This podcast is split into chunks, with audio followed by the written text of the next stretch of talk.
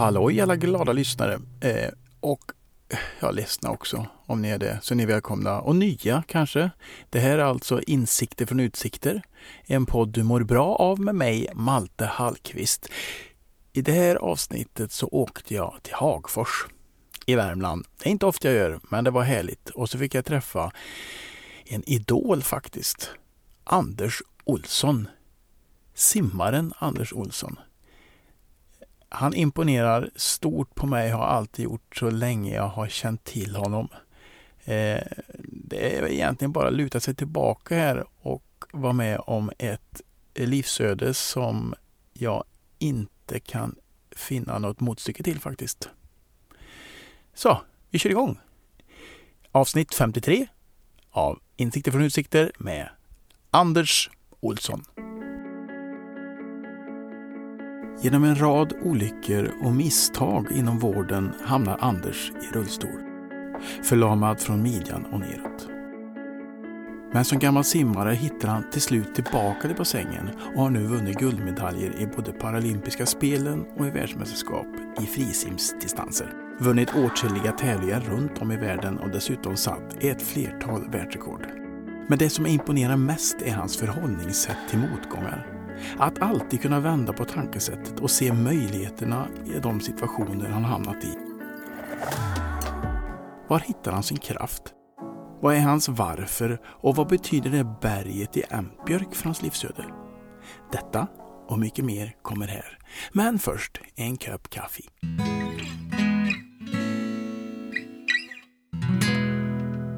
Var det min kaffe? Ja. Gud vad gött. Lyxkaffe. Lyxkaffe i Hagfors. Lyxkaffe. Ja. En annan aldrig, jag har aldrig druckit kaffe. Aldrig? Nej. Nej. Du är fri från sånt. Ja, men det är konstigt att, att men jobbar i järnverk och, och Annika, inte Annika heller. Men ni har ändå en kaffeapparat? Jaha. Köpt till och med en. ifall, det kom, ifall det kommer gäster som jag. Då säger vi hjärtligt välkomna till alla lyssnare till ett nytt avsnitt av Insikter från utsikter. Utsikten idag, ja, hur ska man förklara den, Anders? Ja, det är väl en ganska öppen, vad jag tänkte säga, fast instängd ändå. Med, med ett bord och eh, ett litet spabad bak, bakom där. Vi sitter hemma hos eh, avsnittets gäst, Anders Olsson, i Hagfors och tittar ut. Ja, Det är så lyxigt det här för mig som poddare. att få- Jag, jag får komma hem till människor. Det är väldigt gästfritt att ni öppnar era hem. Jag, tack, jag tackar redan nu känner jag för att jag fick komma hit. Det känns väldigt trevligt. men det är skönt att, att ni kan komma hit också, tycker jag. Ja. Jag tänkte vi rivstartar med en sån här faktaruta. Fullständigt namn, Per-Anders Olsson, ålder, 55, 56 i år, ja. bor, Hagfors. familj, En fru, Annika, och en son, Andreas. Två barnbarn. hobby, Ja, det är väl sommarstugan. Det är väl egentligen den hobbyn jag har. Och eh, ja, tycker om att röra på mig. yrke,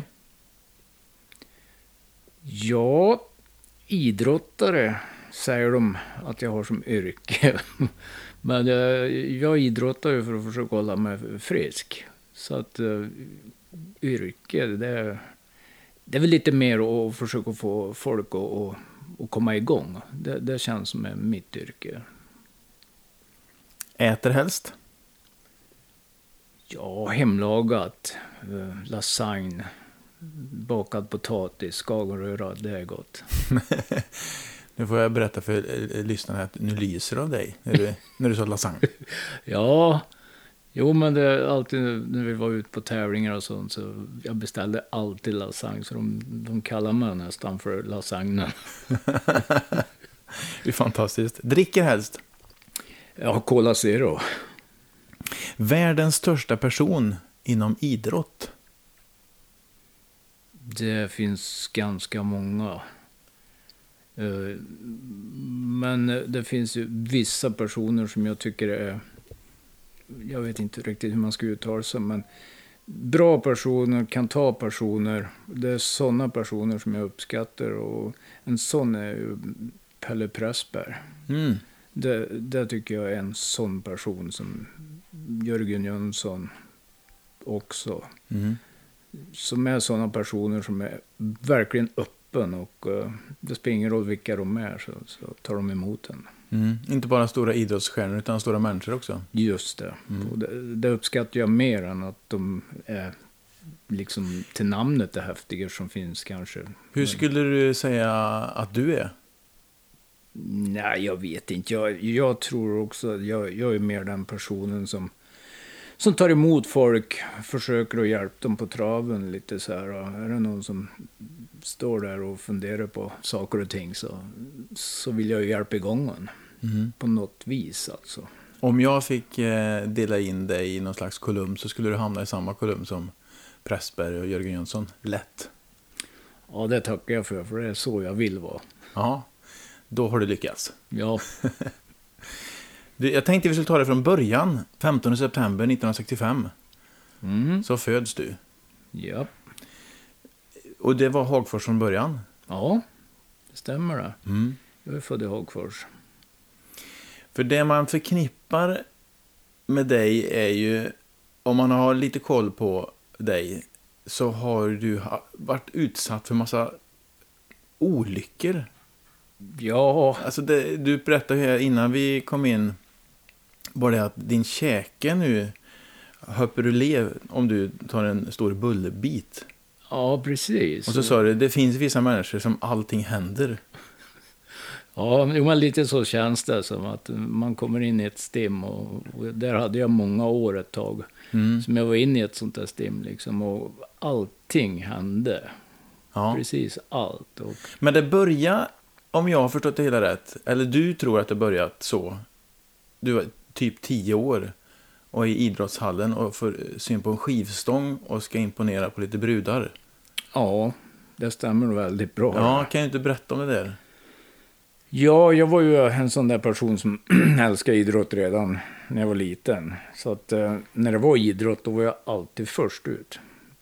Och eh, jag är ju uppväxt på ett litet ställe utanför Hagfors. och där de äldre hade ju gym då på, på kvällen. Och sen så fick de ju låsa in sina saker då, för vi hade ju skolidrott där. Men de har ju glömt att låsa in en skivstång då. Och det var ju häftigt. Man kom ut först som vanligt tog tag i den där och ja, skulle försöka lyfta upp den. Där, men det var ju så tungt så det gick ju inte. Och jag vet att det var fastsvetsat. Liksom, så det gick inte att plocka tyngder heller. Det var, de här tyngderna var liksom... Fastsvetsade tyngder? Ja, Ja, alltså där du låser ja. tyngderna med på sidan. Det var fastsvetsat så att den här stången skulle väga så och den här stången skulle väga så. Det, Mm. Right. det var väl lite så förr, skulle jag tro. Så att det gick inte att plocka av någonting heller. Så att eh, jag försökte få upp den där, men det, det gick ju inte. Det var så tungt så jag la ner den där stången tillbaka. Och så skulle jag gå och titta vart grabbarna tog vägen då, eftersom de aldrig kom. De var alltid sen ut liksom. Så när jag är på väg dit då, så kommer flickorna ut och sitter i omklädningsrum. Då. Och det är klart att då var man ju tvungen att prova en gång till, då, så man skulle imponera. Då. Så Ja. jag tog väl tag i den där stången och tänkte att den måste upp nu. Och det gick inte nu heller, så att jag fick Jag trodde jag var smart, rent ut sagt. Och började på gung stången. Liksom, I sidled eller fram och ja, tillbaka? Fram, framåt och bakåt. Ah, och okej. trodde att eh, jag liksom slänger upp den med fart. Mm.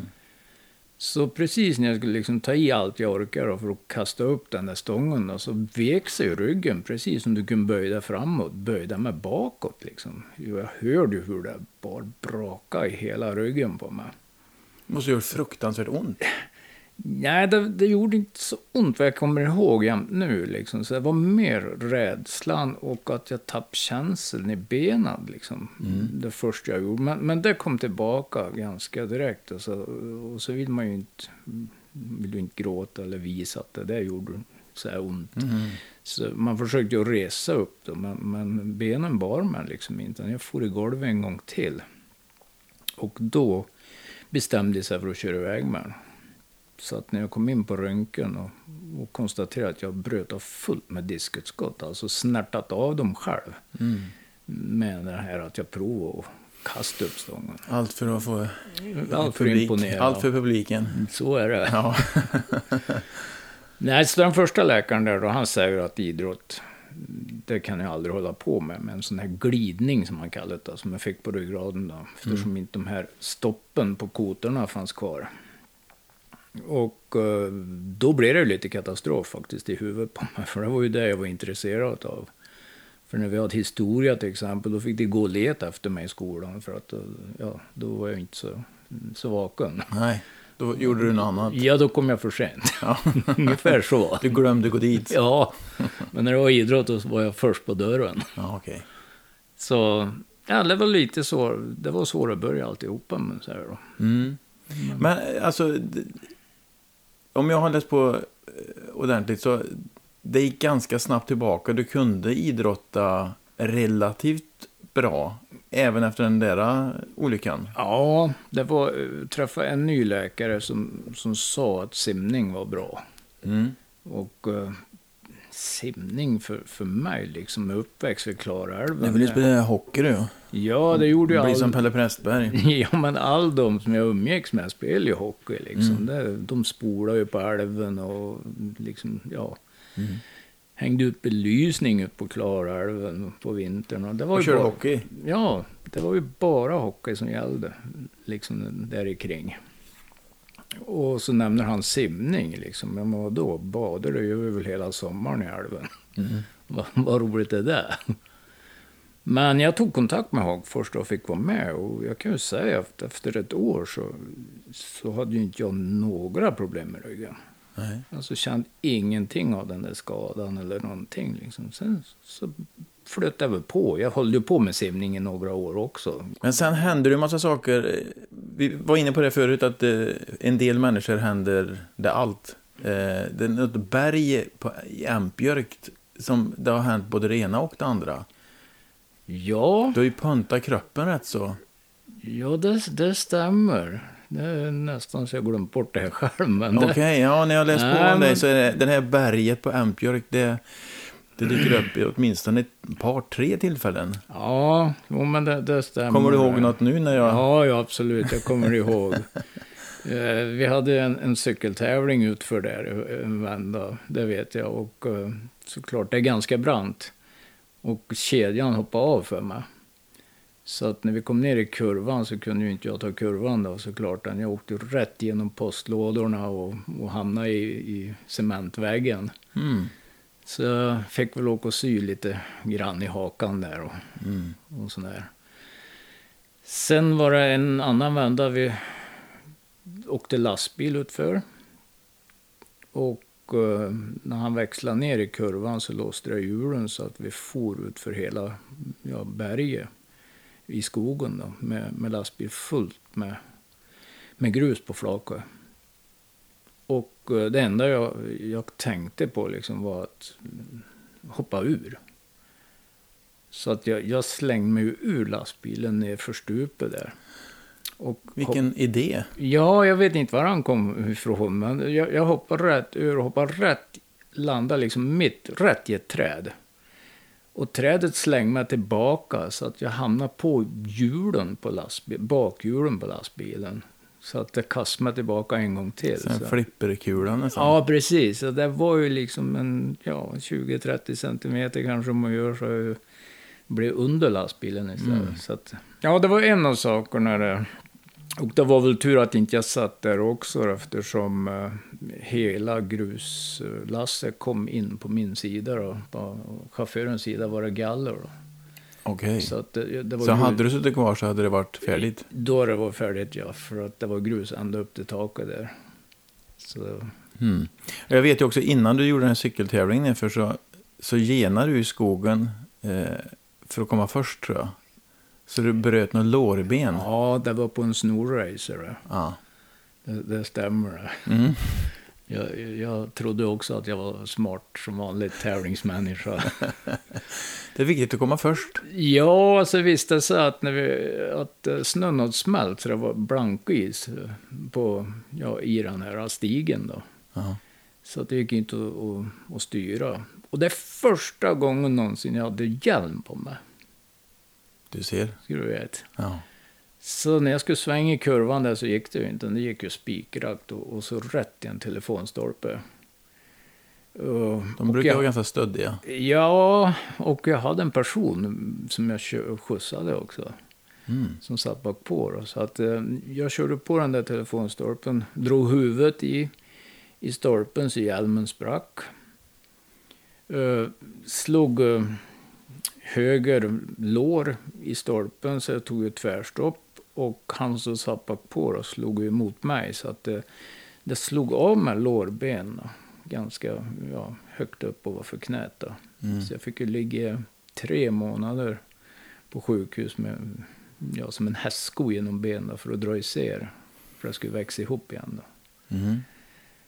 Plus att jag skar av en ganska stor pulsåder i, i låret. Då, så att jag fick en sån blödning så, så jeansbyxorna som jag jämt har fått av min mor, kommer jag ihåg. De liksom exploderade. Så mycket svällde benen på mig. Oj.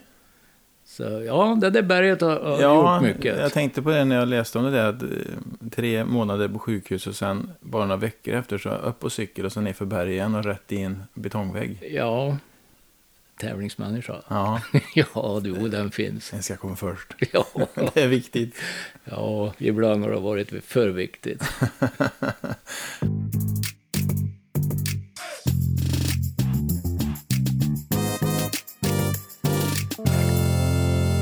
Sponsorsnack. Det finns köpcenter och så finns det köpcenter. Och så finns det Bergvik. Alltså Bergviks köpcenter. Bästa Bergvik. Jag gillar det stället, för där finns nämligen allt mellan himmel och jord.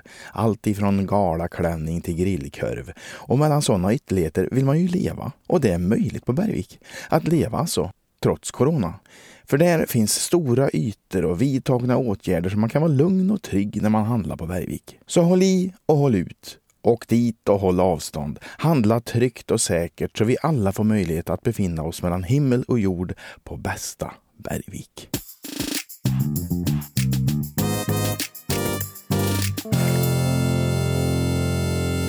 Efter de där olyckorna på berget så är du ju ändå relativt rörlig. Eh, Ja, fram till någon steloperation. Vad var det som hände där? ja, alltså den här glidningen på ryggraden som jag fick av skivstången. Den gjorde sig påmind desto latare jag blev, Ja. kan man säga. Så att eh, till slut så, så gick det liksom inget längre än, än de bestämde sig för att steloperera ryggen på mig. Hur gammal var du då? Mm, 30 va? 95, ja. Ja. Så att eh, jag åker in och, och gör den här operationen. Och, och, operationen gick ju jättebra. När jag kommer hem därifrån så har jag fått lånt en kontorsstol. Man fick ju inte sitta direkt efter en sån här operation. Man skulle stå sitt kallade det för. Mhm. Så när jag sätter mig på den där stolen eller skulle stå sitt, jag blev ju så trött så jag, jag la ju på tyngden då. Mhm. Så exploderade kolven i den, i den här stolen då, så jag får ju rätt i golvet. Och det här, så att det här är 20 minuter efter jag kom hem från operationen liksom. Och jag hörde hur det small i, i min rygg, alltså det lät som ett buskat i ryggen på mig. Så jag, jag fick ju ringa upp läkaren och förklara vad som har hänt och jag var ju livrädd, nu är allting förstört här. Ja, ja. Men han, eh, han sa ju att jag skulle titta på röntgenbilden och så ja, visade mig att det finns ingenting som kan ha hänt. Liksom. Det är, Du var så ihopskruvad. Ja, det är så ihopskruvat liksom. Så. Hur vanligt är det att en kolv går sönder i en kontorsstol? Ja, det har väl aldrig skett heller, Nej. enligt eh, kommunen om man säger. Men just där och just då. Ja, med precis. Anders Olsson i Just- huvudrollen. just det. Nej, så att eh, jag fick ju morfin då för att eh, jag hade ju ont, riktigt ont alltså. Och eh, jag trodde ju inte att det hade hänt något jag heller då till slut, eftersom han sa så. Så att jag, jag, Men smärta hade du? Ja, en fruktansvärd smärta. Alltså. Det, Ja. det var helt vedervärdigt vad ont det gjorde. Så jag bara åt morfin och morfin och till slut så kände jag liksom att det går inget mer det här. Så jag åker in till akuten och får träffa den här läkaren. Och då tycker han att jag, jag kunde äta ännu mer morfin istället. Tyckte han att liksom. du, du var lite gnällig? Ja, lite att, att det kanske är för små mängder du har. Du, du tål mer. Mm. Så att jag fick en, en riktig dos då. Så åker jag hem tillbaka. Men efter två dygn med dem så var det ingen skillnad. Smärtan var helt olidlig. Så Alltså, då- kunde du sova och så? Nej, nej, Nej. nej, nej. Utan det var smärta dygnet runt? Ja, ja, ja. Det var ju att den var ju så drogad kanske som man somnade in emellan. Ja, Men eh, sen åker jag tillbaka igen då, och Annika var ju med och hon var ju riktigt förbannad på läkarna. Liksom, varför inte de kunde titta på det här. ja, en röntgen hade väl inte gjort något? Nej, precis. Så då kom överläkaren in och, och sa att nu ska jag liksom nästan överbevisa det. Mm. Att det inte har hänt någonting. Men jag ska gå in i ryggen på det imorgon, öppna upp och titta. Så det gjorde han faktiskt. Då. Så när jag vaknade upp i narkosen, då, då bad han faktiskt om ursäkt. För att när jag for i golvet så hade ry- ryggmuskeln på höger sida gått av. Så det var ju det som small. Mm. Så jag hade ju en sån blödning alltså som låg i ryggen på mig.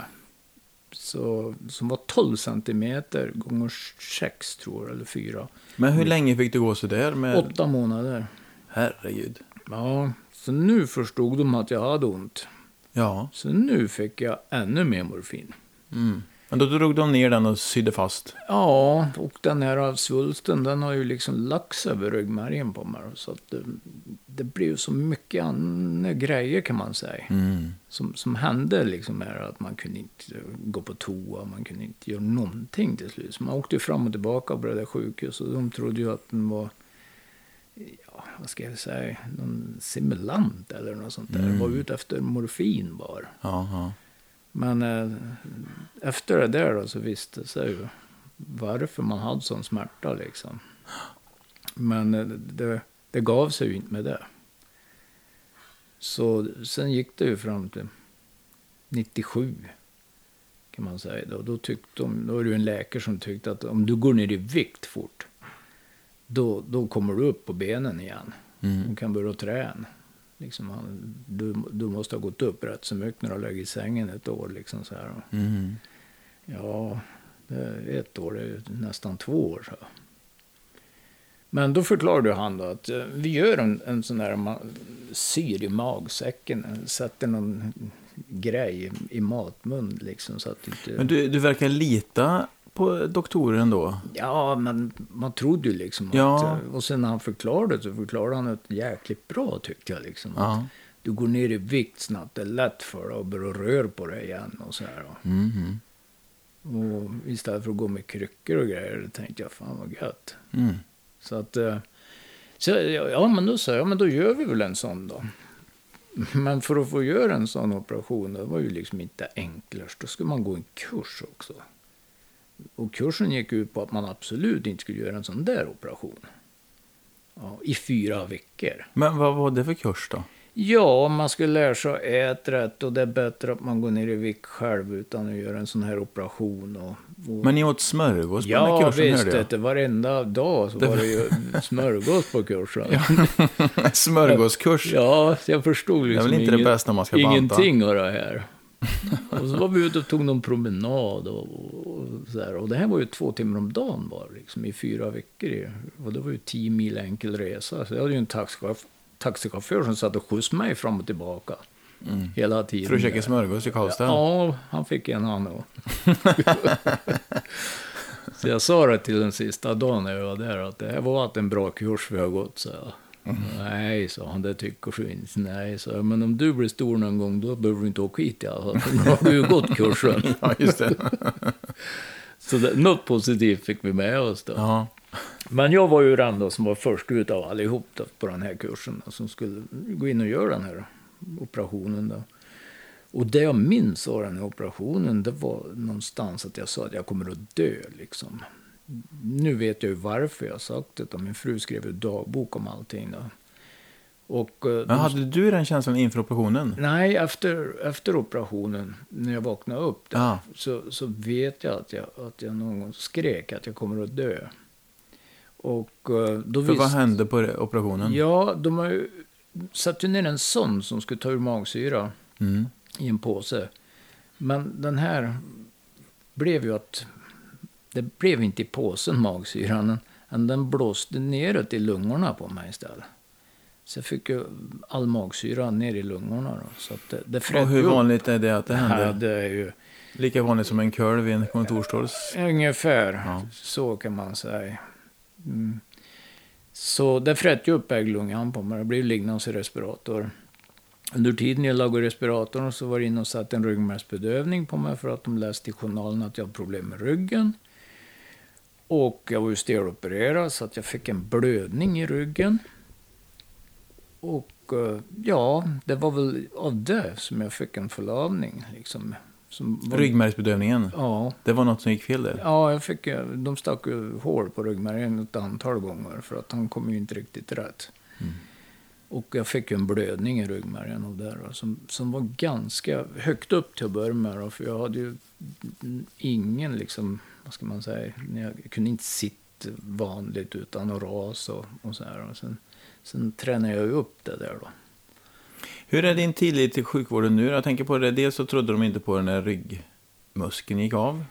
Och sen är det en bantningsoperation som går tvärs om. Och på det så är det någon som sticker hål på din ryggmärg. Ja, precis. Och då, då säger den här läkaren till min fru att det här är som att vinna på Lotto, fast den tvärtom. Mm. Det, det var ju väldigt psykologiskt sagt, tycker jag. Det var lika stor chans, och det var därför jag aldrig har vunnit på Lotto. Då, jag. Du fick det här istället. Ja. Nej, alltså min tillit till, till sjukvården, den tror jag är bättre än någonsin ja, nu. Mhm. Alltså, jag- Vad beror det på? Nej, jag har fått jädrigt mycket bra kontakter på sjukvården. Alltså, vissa personer förlitar man sig riktigt, riktigt bra på nu. Får se att det...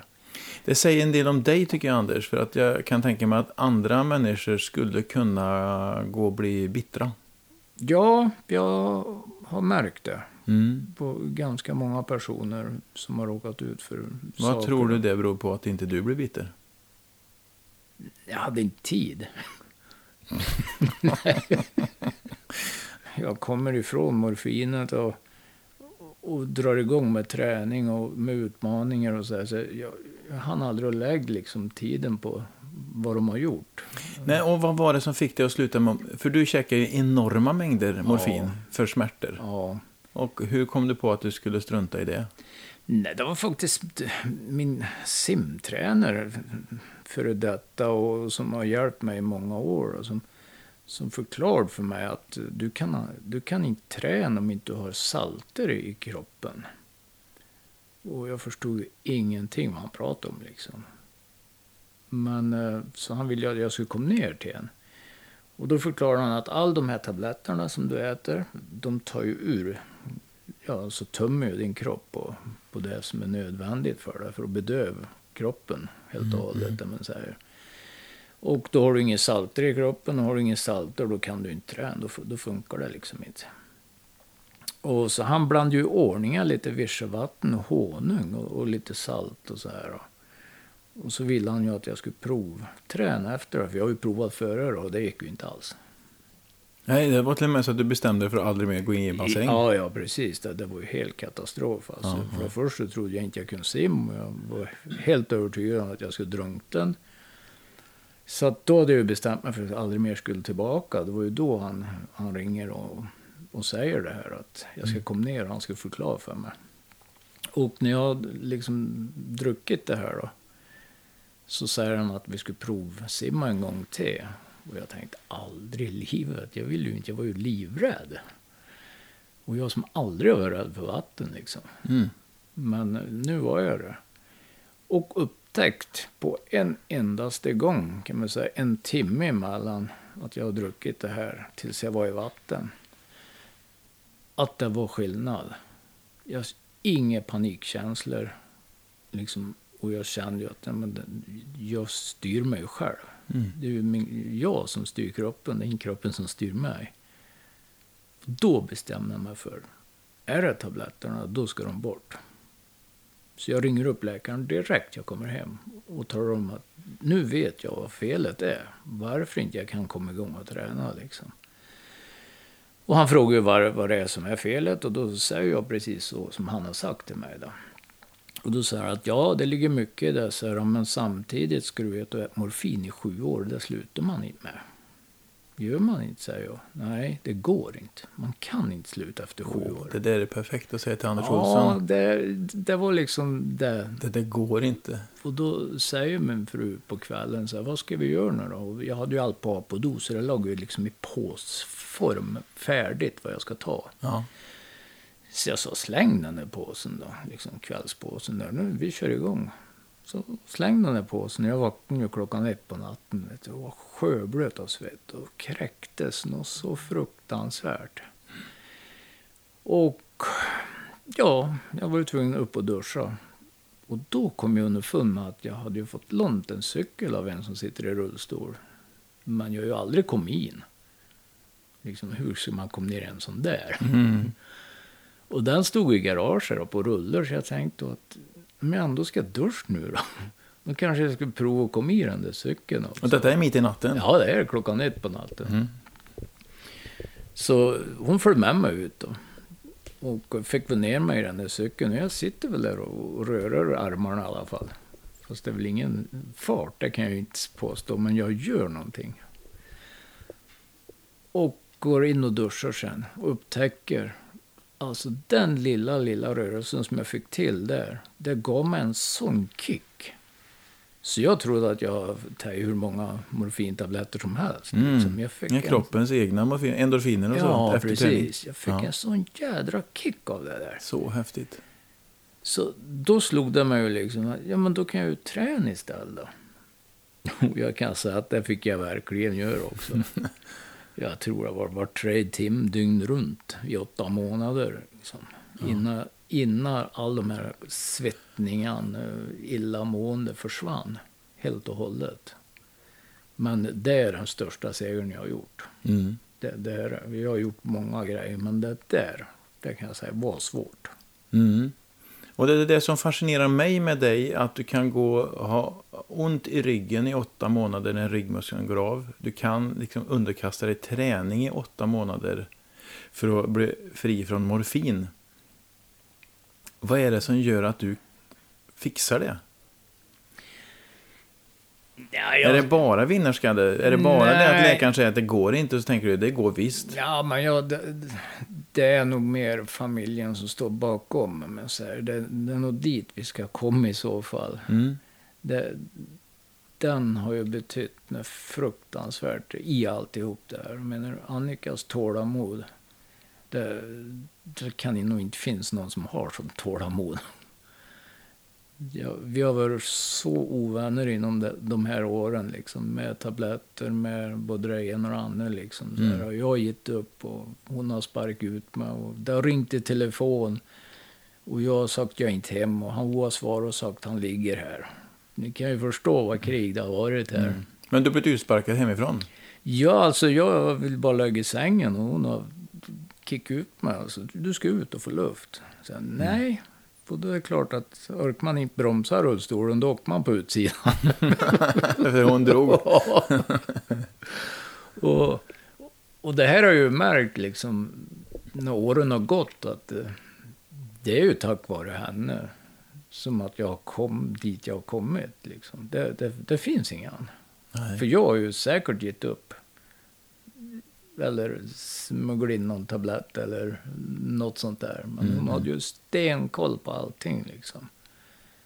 Och, och såg hur jag kom tillbaka dag för dag liksom.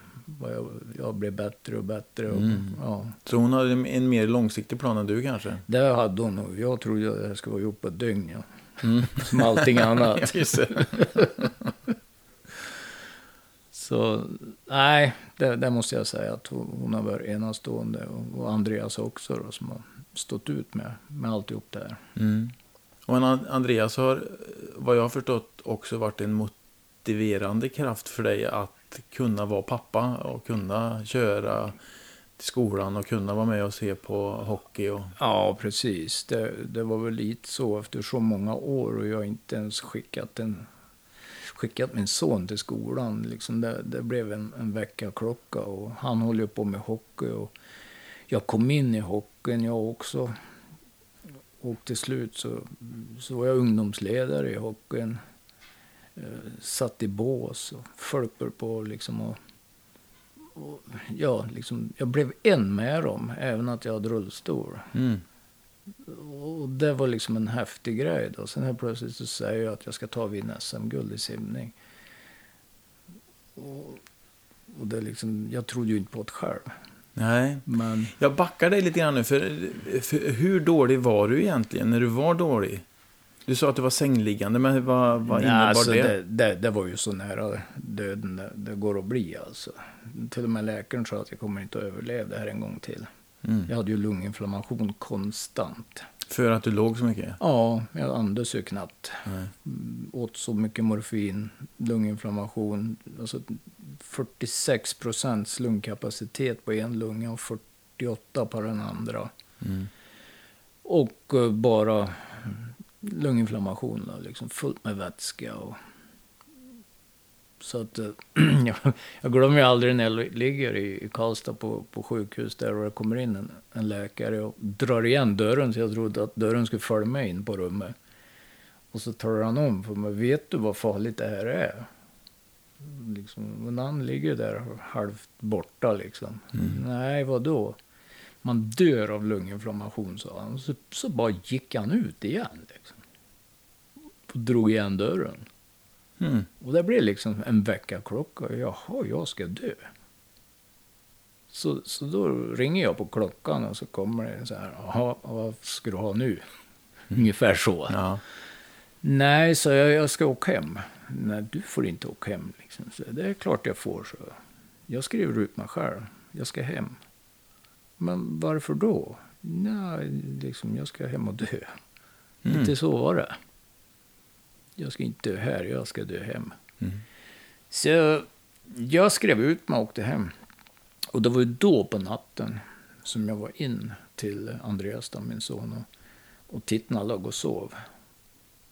Och så när jag var tillbaka in mot sängkammaren så var det precis som att det klickade till i huvudet på mig. Och jag tänkte att folk säger att jag har haft en jäkla otur, men jag ser inte det här som att jag har haft en jäkla otur. Jag har haft en otrolig tur som har familjen kvar efter sju år i sängen. När jag gör något bra av det. Och det var då på morgonen som jag för första gången gick upp och skickade sonen till skolan.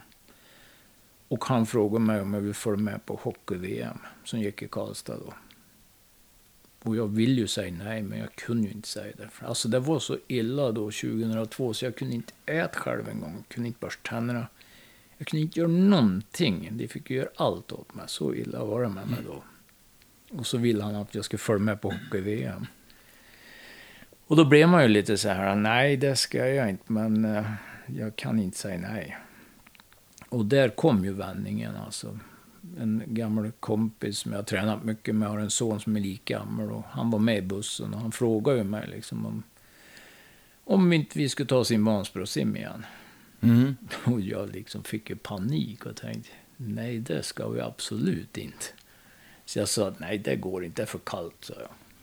För den här personen har varit viktig för dig också. Andreas och Annika har varit viktiga. Och Tommy heter han Ja. va? När Tommy har varit en jätteviktig person. Han, är- han vet vad han ska säga till dig. Det räcker med att säga att jag dänger dig i Vansbrosimmet. Ja, Så går du igång. ja, lite så har det varit i, det mesta vi har hållit på med. Även Vasaloppet va? Ja, och löpning också. Mm. Jag har ju aldrig varit någon löpare, men han fick mig till att bli en rätt skaplig triatlet på grund av att han, jag fick jaga honom Mm. i löpning varenda gång. Nej, så att, eh, ja, när han sa att han skulle slå mig, då växte tornen ut faktiskt. Så det, det var där starten kom, kan Mm. man säga. För Vansbrosimningen. Ja, och steget därifrån då tills att du sitter i en hockeyhall och säger att du ska ta SM-guld i simning. Ja, och det var väl lite med det här att eh, efter Vansbrosimningen, när vi på hösten när hockeyn drog igång där igen, så har jag ju tränat på ändå med simning. Och fått reda på vad handikappidrott var. Mm. Vi kanske ska säga det också, att du, du dängde ju Tommy i Ja, Vansbrosimmet. ja det gjorde jag. Ja. Ja, Ifall att någon funderar på det så, jo då. Ja, jo, han, han fick stryk. och, och det var ganska viktigt. Ja. Förlåt, jag avbröt dig. Ja, nej, men sen på hösten där, då har jag hållit igång med simningen. Då. Ni, ni ska ju veta att åtta träningspass tror jag fick ihop. Ifrån den här sängliggande perioden till Vansbrosimningen. Jag försökte hålla mig undan liksom, men jag kände ju att jag var tvungen att göra Vansbrosimningen. Och när jag gick i mål där, så det var ju då jag upptäckte att vatten var jäkligt bra. Mm. Så att jag fortsatte ju sen då. Och kör öppet vatten och, och sån här träning på sommaren uppe i sommarstugan och, och grejer. Och, och kände att om jag tränar ett helt år, vad bra kan man bli? Och på hösten blev det ju lite halvtråkigt där och fick kontakt med handikappidrott. Och det var då jag bestämde mig för att jag ska bli svensk mästare i, i simning. Mm. Och då säger jag det på en tränings eh, före sonen. Till, till, ja, då på den tiden hade man ju nästan alla var ju med som ledare. Och när jag, precis när jag sa det så, så skrattade de lite åt mig. Och så tänkte jag, varför sa jag så här? Men eh, då bestämde jag mig för att nu är jag tvungen att försöka stå upp till det jag har sagt. Mm. För att visa de här barnen att man kan om man vill. Mm. Så, så jag drog igång med träningen och fick faktiskt vara med på SM då 2003. Och vann åtta guld på SM. Så det var rätt skönt att komma hem då och säga det. Ja, det gick bra. Det gick ganska bra. Ja. Och där kom jag med i landslag också för första gången. Just det. Och de var väldigt väl. Det var ju tack vare en person att jag kom med i landslag. De andra sa ju att jag var för gammal. Ja, hur gammal var du? Jag var 37. Mm. Så jag fyllde 38 det året. Mm. Och de tyckte nej, nej, det är ingen idé att satsa på den här överviktig gammal gubbe. liksom så här. Ja, men då tycker Thomas, nej men vad fasiken, med den lilla träningen, han har ju kapacitet alltså. Han har ju varit simmare en gång i tiden. Så Mm. det- Det ser bra ut när han simmar liksom. Ge en chans. Och det var väl liksom tack vare honom då jag kom in. Men i och för sig så upptäckte jag dem, de var 14 till 17 år. Och så jag då. Mhm. Så då menade jag ju att ge upp direkt. Kände du dig gammal? ja, det gjorde jag faktiskt. Ja. Men eh, det var bara en dag ungefär. Sen upptäckte jag ju vilket folk det var. Alltså öppen, Mm. hjälpsam. Det, fanns liksom ingen... Och hur är det i andra landslag i andra länder med ålder och så? Ja, då, då är de faktiskt lite äldre när man Mm, kommer mm. utanför. Det, det kan jag säga. Och Ja. det var väl lite det som gjorde att det var en som sa till mig, försök att komma med utomlands så du får åk liksom, och, och tävla mot andra ännu så ska du se att det finns äldre med. Mm. Så det var lite där då som jag tänkte att hur ska jag kunna bli bättre? Visst, träning, det, det är ju en sak, men det måste ju gå att göra mer grejer. Liksom, hur kan man utveckla simningen? Mm. För det är ju lite så alltid jag har hållit på. Ja, du är lite uppfinnar-Jocke. Ja, ja, lite det med hjälp av folk som hjälper mig såklart. Då. Men, Mm. men jag vet hur jag vill ha det. Och jag vill träna med de jag alltid har tränat med, om man säger. Och jag vill ju inte ha någon speciell klubb som bara är för funktionshinder. Men kan jag träna med en som är 12 år, då okej, då tränar jag med den som är 12 år. Mm. Det, vi, det enda som är bra, eller det som ska vara bra, det är ju att den sporrar mig också samtidigt som jag sporrar den. Så det började ju lite där då, men sen klev jag uppåt, uppåt, uppåt till slut så var jag med i A-gruppen då och, och körde. Ja, och det har ju gått något enormt bra. Ja, hur mycket medaljer som helst. Och jag var inne och tittade i ditt garage innan vi satte oss här. Det hänger ju en del Ja, priser där. ja, jo, det, det har hänt ganska mycket. Och, och det har också varit kul, för man har ju varit bjuden menar, till Rio två eller tre gånger på världscup och till Manchester på världscup och Norge och Teneriffa bjöd ner mig också. Och så har de liksom filmat hur det ser ut när jag simmar. Liksom. Jag har alltid bjudit på mig. Att de, Mm. de har fått filma och liksom ser hur man gör. Och sen letar du utmaningar också. Ja, det gör jag. Bara det här att anmäla sig till eh, San Francisco och Alcatraz. Alltså från fängelset och in. Ja, Det var ju lite speciellt, Ja, tyckte det- jag när jag läste om det. Jo, men det, det var speciellt och samtidigt, det, var- det var ungefär som med allting annat där också. När, när jag skickade mejlet till den där mannen som hade tävlingen så säger han, ja, för det såg ju inte handikappvänligt ut, Alcatraz. Nej. Det var ju bara Jaha, sten, det det? sten, sten, Ja, sten. ja. Så jag tänkte, går det verkligen att få med sig rullstolen liksom ut där? Mm. Så jag var ju tvungen att ställa en fråga. Det var ju då jag fick tillbaka, det, det kom fort tillbaka kan jag säga. att sitter du i rullstol, det är ingen idé att du kommer hit en gång. För att det som har armar och ben klarar inte att simma över här, för det är för strömt. Mm. Det här är en utmaning. Liksom. Mm. Mm. Då vände jag mig om och frågade min fru, vill du åka till San Francisco? Jag tryckte på rätt knapp. Han tryckte på rätt knapp, ja. Så att eh, då anmälde jag mig. Mm. Och de var ju så oroliga för det där. Att jag skulle komma dit, liksom, vad ska vi ha för folk som ska följa den där? Mm. Liksom, man kommer ju inte att hinna över innan i storfartygen kommer och det var ju lite så här. Så att jag fick faktiskt provsim två gånger innan jag fick vara med på tävlingen. Första gången var det med tio stycken livräddare. Och eh, de var så dåliga att simma så jag tror jag får, får hämta dem där. Andra gången fick jag faktiskt sim från Alcatraz med 12 stycken. Som en provsimning. Som de gjorde dagen för tävlingen. Och då var jag den enda som tog mig över. Mm. Och då säger han på kvällen så inför tävlingen att idag var det riktigt, det mest besvärligt vi har haft någon gång här på ön. Liksom. Strömt och, och så. Så det, det var bara en som klarade det här. Och så pekar han på mig i rullstol.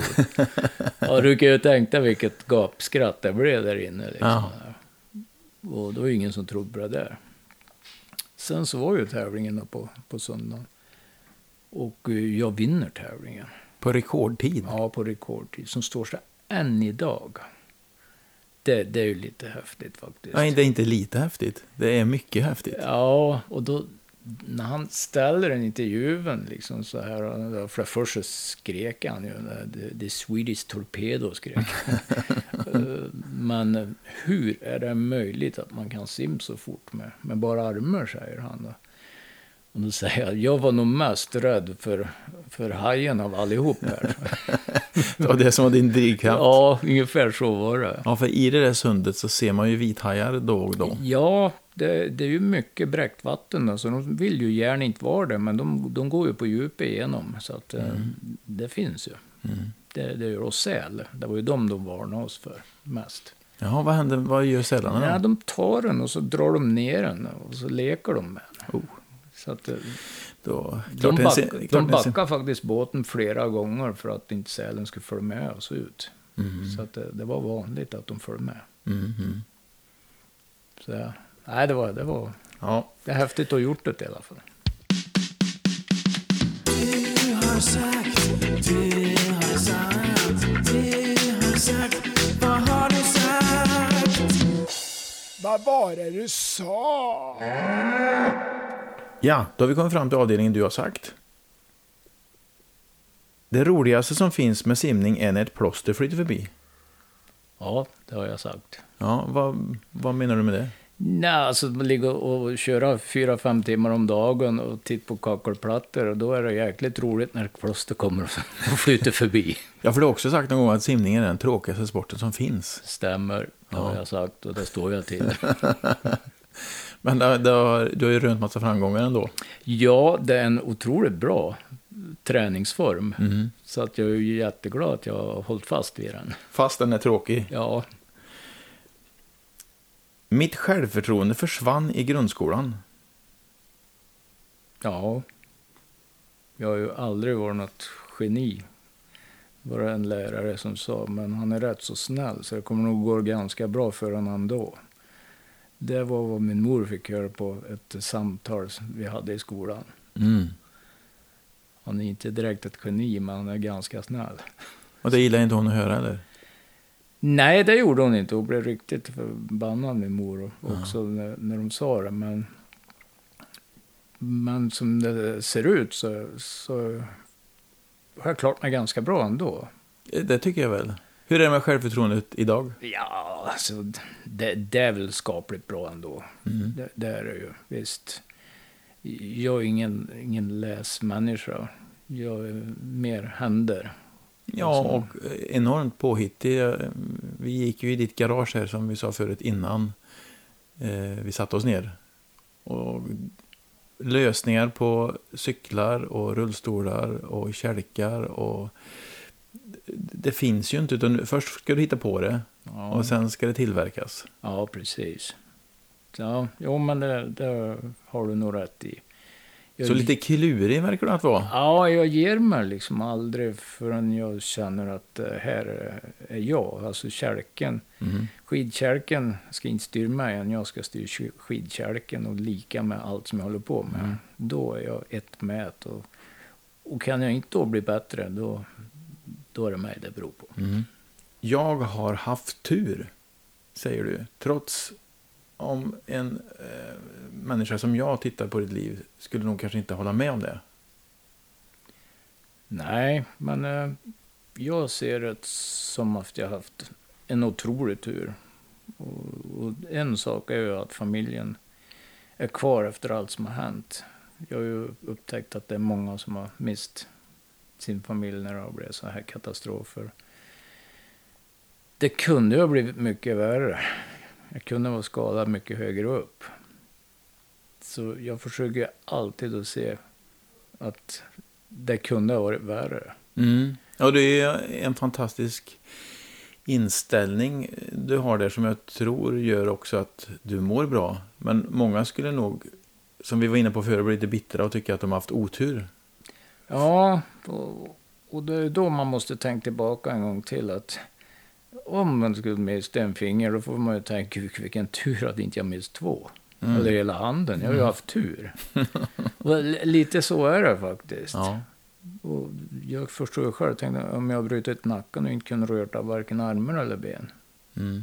Då, då har det ju varit mycket jobbigare. Men då har jag ju fått tänkt att det är tur att inte jag tog hjärnan i alla fall. Mm. Eller ja, ja. ungefär så. Man får ringa in sin situation och så göra det bästa av det. Precis. Visst, det är många som... Men hur orkar du göra det då? Det är det. Ja, men det... det... Det låter ju lätt liksom. Ja, men det är faktiskt inte så jäkla svårt heller. Visst, man kan ju bli irriterad om man ska ha en grej som är uppe i skåpet och sen så kommer man inte åt den. Mm. Och man hela tiden ska be om hjälp och, och så här. Men, men jag tror man lär sig. Vissa saker liksom strunt, får man strunta i. Mm. Att det, det här är inte som det var förr. Eller så, så fixar man någonting med just den irritation som, som ligger på en. Att ett skåp som det går att köra upp och ner. Eller, Just det. ja, det, det går att, att få lösningar på det, på det mesta. Alltså. Mm, mm. Om man själv vill och ger sig tusan på det. Det som jag har varit mest irriterad egentligen över, det är ju att det är så dyrt allting som har med det här att göra. Mm. Och eh, jag tycker det är ju så synd om, om man får ett barn som har ett funktionshinder. Då kan man liksom, har du ett vanligt barn kan du gå till Biltema och köpa en cykel för 900 kronor. Mm. Här startar en, en cykel kanske på 25 000.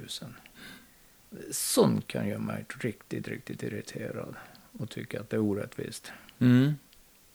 Och jag kan också känna att folk utnyttjar det. Folk som gör saker till funktionshindrade tar ut... Ja, min, min äldsta dotter är multihandikappad. Eh, och när man får reda på vad det kostar så förstår man att här är det någon som tjänar pengar. Ja, så är det. Mm. Och det kan jag också bli irriterad på. Ja, För det, det är precis som att det här är, är kommunen eller landsting, det är tvungen att köpa in det här. Ja. Då, då kan vi ta vad mycket som helst. Mm. Mm. Så att, eh, nej, det behöver vi mer konkurrenter. Mm. Du har ju haft otroligt mycket ont i dina dagar. Ja. Hur är det nu liksom, med smärtan? Nej, alltså, jag, har ju, jag har ju alltid mycket smärta. Det har jag. Varje gång jag tränar så, så, så klarar jag mig ett par timmar och mår mycket bättre. Mm. Men, men det är nog rent uh, uppe i knoppen om man säger. Att man mår, känner att man har lyckats och gjort den här dagen också. Mhm. Så att man mår bra där. Och, För hur mycket tränar du om dagen? ja, det är ju olika. det Där kör jag tävlingar så blir de ju inte så långa om man säger. Men då frigör man ju ganska mycket mer. Mhm. Mm. Både före och efter. Liksom. Ja. Ja. Så att, jag håller väl kanske allt mellan 10-15 timmar i veckan. Men jag har cyklat över 900 mil hittills i år. Mm. Så att, visst, jag håller igång. Det gör jag. Men jag väntar ju på att få en, en ny axelprotes. Då.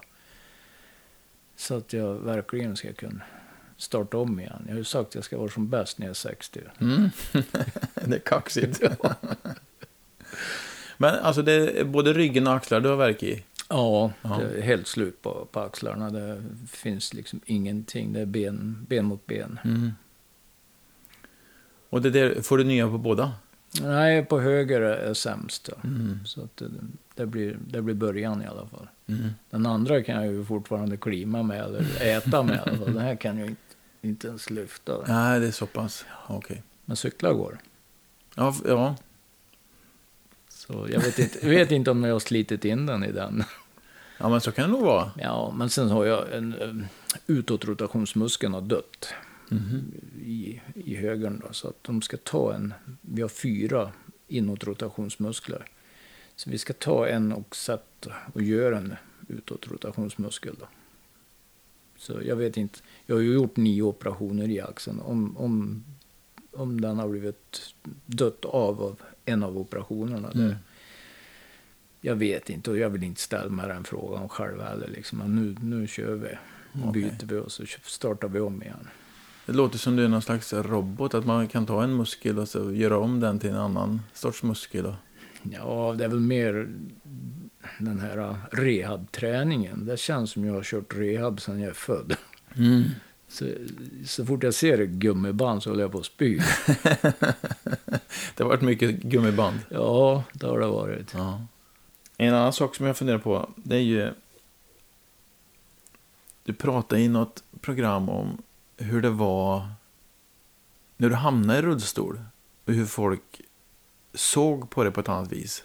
Ja. Nästan som att du var dum i huvudet. Ja. Det, det stämmer väldigt bra. Det, den grejen har jag inte fått bort ur huvudet än. Hur de liksom behandlar ja, mig då, då, till exempel.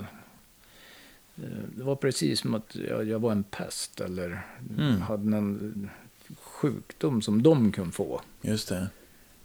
Så det är ju vissa saker som man aldrig glömmer. Liksom. När man mötte kompisar på stan så såg jag att de tvärvände och, och gick åt ett annat håll. Mm. Idag ser ju jag att det var kanske mer osäkerhet för dem. Eh, var inne i matbutiken. Eh, En äldre man står precis framför mig och, och tittar på min fru och så står bakom mig och så säger liksom så här, hur är det med Anders egentligen? Fast du är på plats. Ja, fast jag sitter där. Ja. Och, och då kände jag liksom så här, men är, är det något fel på mig? Mer än, än det här. Mm. Ja, liksom. just det. Mm. Ja. Så då blev jag ganska besviken och inte vill gå ut och, och visa Men, liksom. men det här är för ganska många år sedan. Ja, ja, det här är ju... Det här kan ju vara 97, 98 och Mm. försökt att få med mig ut någon gång så här. Men där tror jag samhället har förändrats, eller tror jag fel? Nej, du har helt rätt. Och Ja. jag tror också att parasporten har gjort väldigt, väldigt mycket när de har börjat visst idrotten på tv och de får se hur många olika funktionshinder det finns. Mm. Men eh, att vi, vi är vi. Ja. Men vi har ett hjärta. Mm. Ja, och, det, och det är samma som alla andra har. Mm. Det, det är liksom pumpar bra blod. Ja. Så att eh, efter det så tycker jag att det har vänt. Jag glömmer ju aldrig när jag skulle köpa bil första gången efter olyckan. När jag sitter och tittar i bilen där så säger försäljaren till min fru, vad tror du han vill ha för bil? Det är fantastiskt. Och det blev ju ingen bil där då. Nej, det säga. Men, men just eh, den här grejen, det, upptäckte jag sen att eh, det har ju förändrats otroligt mycket. Och, Mm. Men man gör ju träff hur många funktionshinder som möjligt. Liksom, eller ja, olika. Mm. Med olika funktionshinder. Och det är ju bara en, en människa Ja. bakom alltihop, Mm. om man säger. Så att det är bara vad som helt vanligt alltså. Mm. Ja, Jag tror som du att parasporten har varit väldigt bra för samhället. Och förstå att är man eh, förlamad från midjan och neråt så är man det. Men resten är som vanligt. Ja, Det är så lätt att man läser in att då är allting, ja då är det precis. någonting fel med allting. Ja, Mm. och det...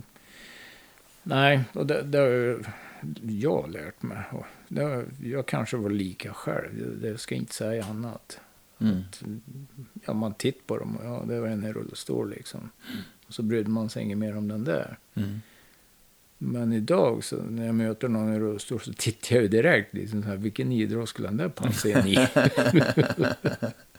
Du ser en kommande idrottsstjärna. ja, Ja. Det, är lite så, vad, den där skulle passa för just det. Eller Mm. det, och den har perfekt eh, funktionshinder för just det. Och lite sådär. Ja.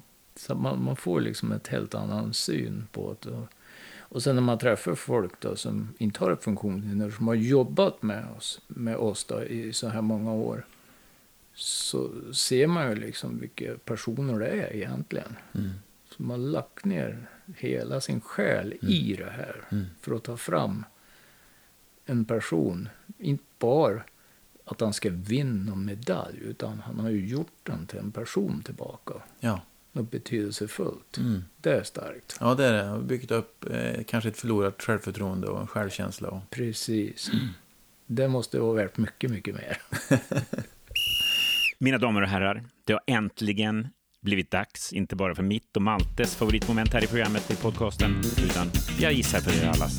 Det har blivit dags för Tombolan! Då Anders, har vi kommit fram till tombolan. Som du tyckte var så fin när du såg Ja, den. jag tycker det är superhäftigt. Ja, Alltså. Det Det är är, många som är glada över den här tombolan. I den här åldern då kommer man ihåg dem där. Ja, faktiskt. då var det lotteri när vi var unga. ja. Nu är det då frågor. Okej. Så jag tänkte du vevar på och så tar du en. Så tar vi väl några stycken. eh, Men vi börjar med, vi tar en i taget. ska vi se.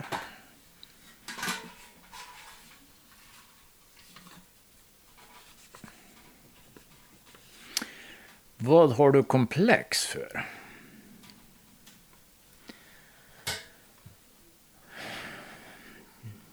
Ja, det vet jag faktiskt inte så rak arm vad jag har komplex för. Ja det, det, ja, det kan nog vara att jag är dålig på stav. Mm. När du skriver. Ja, Har du dyslexi? jag skulle kunna tänka mig att jag har det. Jaha. Säkert om man gjorde någon utredning så hade man ju det. Eh, visst, jag måste ju säga att både dator och telefoner och allt sånt har gjort att jag har blivit mycket, mycket bättre. Men de orden ibland när jag ska skriva, så de finns inte överhuvudtaget. Alltså. Det, Kan du ge eh, något exempel? ja, vad ska man ta? Nej, men som, kortison ibland, liksom, om man skulle skriva Ja. det eller sök på det. Alltså, Det är borta. Ja, det, det, det liksom... Nu, var det, nu tog jag ett ganska enkelt som jag själv kan stå Ja. upp till idag. Men, jo, jo. men många sådana här små grejer liksom som duscha och så här. Mm. Det liksom kan bli helt bakvänt Mm. för mig. Det, sånt där kan vara jäkligt irriterande för mig. För ibland så kommer det ju i alla fall upp liksom. Ja, du menar duscha. Just det. Ja, men det, kommer inte ens upp. Jag är inte ens i närheten. Mm, och för dig som är lite tävlings... Skall också? Ja, och då liksom, han skriver jag så fel? och, det, och då har jag verkligen gjort det också. Fast, eh, ibland stavar jag som jag pratar. Och är man härifrån, då, då förstår ni att det, det ordet finns ju inte. Nej. Bara det att du har problem med att stav. Ja, får man ju förklara för de som inte kommer från Hagfors att det betyder stava. ja exakt. Ja, att, vi tar en till. Mm. Jag måste snurra. Det var ju Ja. fränt att få göra det. Ja, gött ljud är det också. Ja, visst. Ja, jag glömde en AIM-snöre.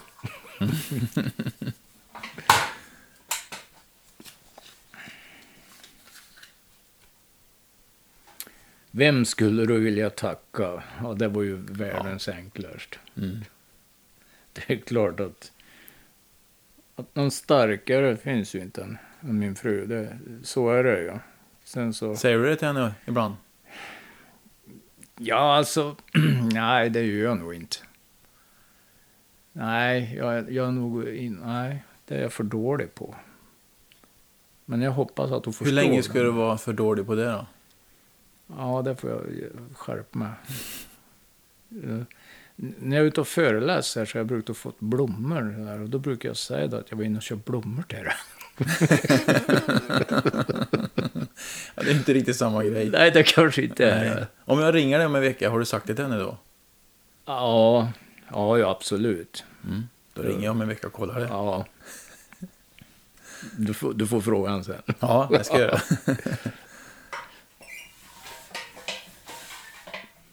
Och det är klart att det finns många man skulle kunna tacka. Tommy och, och alla sådana här som har trott på mig och hållit igång mig och hjälpt mig. Jag fattar. För det finns jättemånga.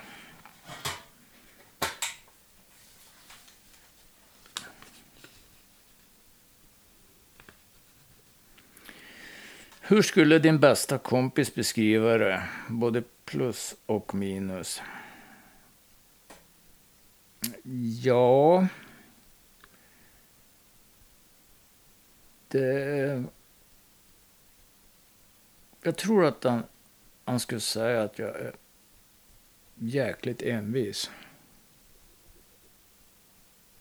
Och det, det skulle nog också vara både positivt och negativt. Mhm. Jag fattar precis. Ja, jag, jag tror det. För att eh, de har ju sagt att, att man måste ju vila för att läka. Och, och jag tror att vila är farligt. Det äter upp dig. Ja, Ja. så länge som jag mår bra upp i, i knoppen där av träningen så, så har jag trott att det är bäst. Men så visste sig ju 2009 när jag blev opererad i axeln och inte kunde göra nästan någonting på sex månader och kommer tillbaka och slår nio världsrekord att, att vilan var nog ganska bra ändå. Mm. Att, eh, och jag så. tror att de skulle beskriva mig Ja. med det och att jag, att jag är ganska hjälpsam. Det, Mm. det tror jag. Mm. Fint. Vi tar den sista. Ja.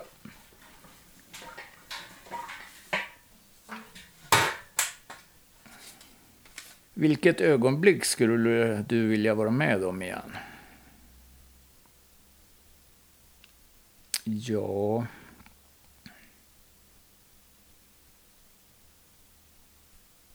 Ja, vad skulle jag vilja vara med om igen? Nu ler Anders för fullt. Ja. Så någonting ser du framför dig.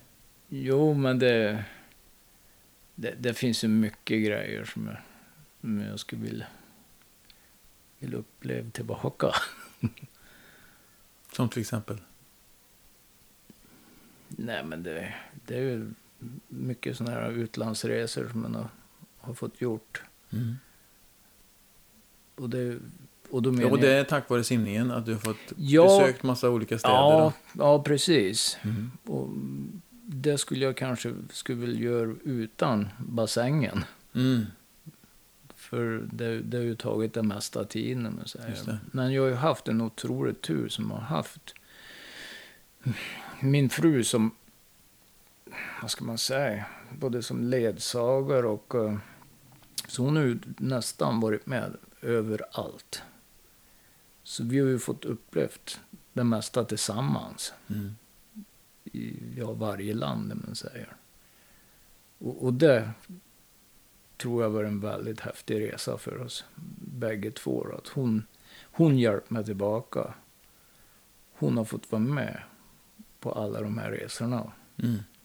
Hon har till och med varit en av dem som har varit ledare för en blindtjej 2012 i London och bott i byn.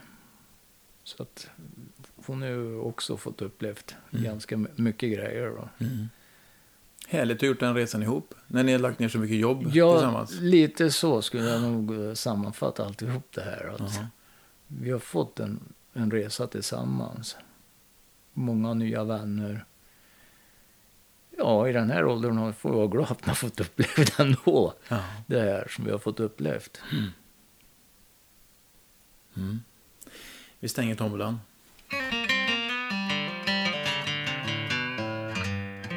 Avslutningsvis så är man ju nyfiken på vad är nästa projekt för dig? För du har haft lite sådana här simma Klarälven, eh, Engelska kanalen och så vidare.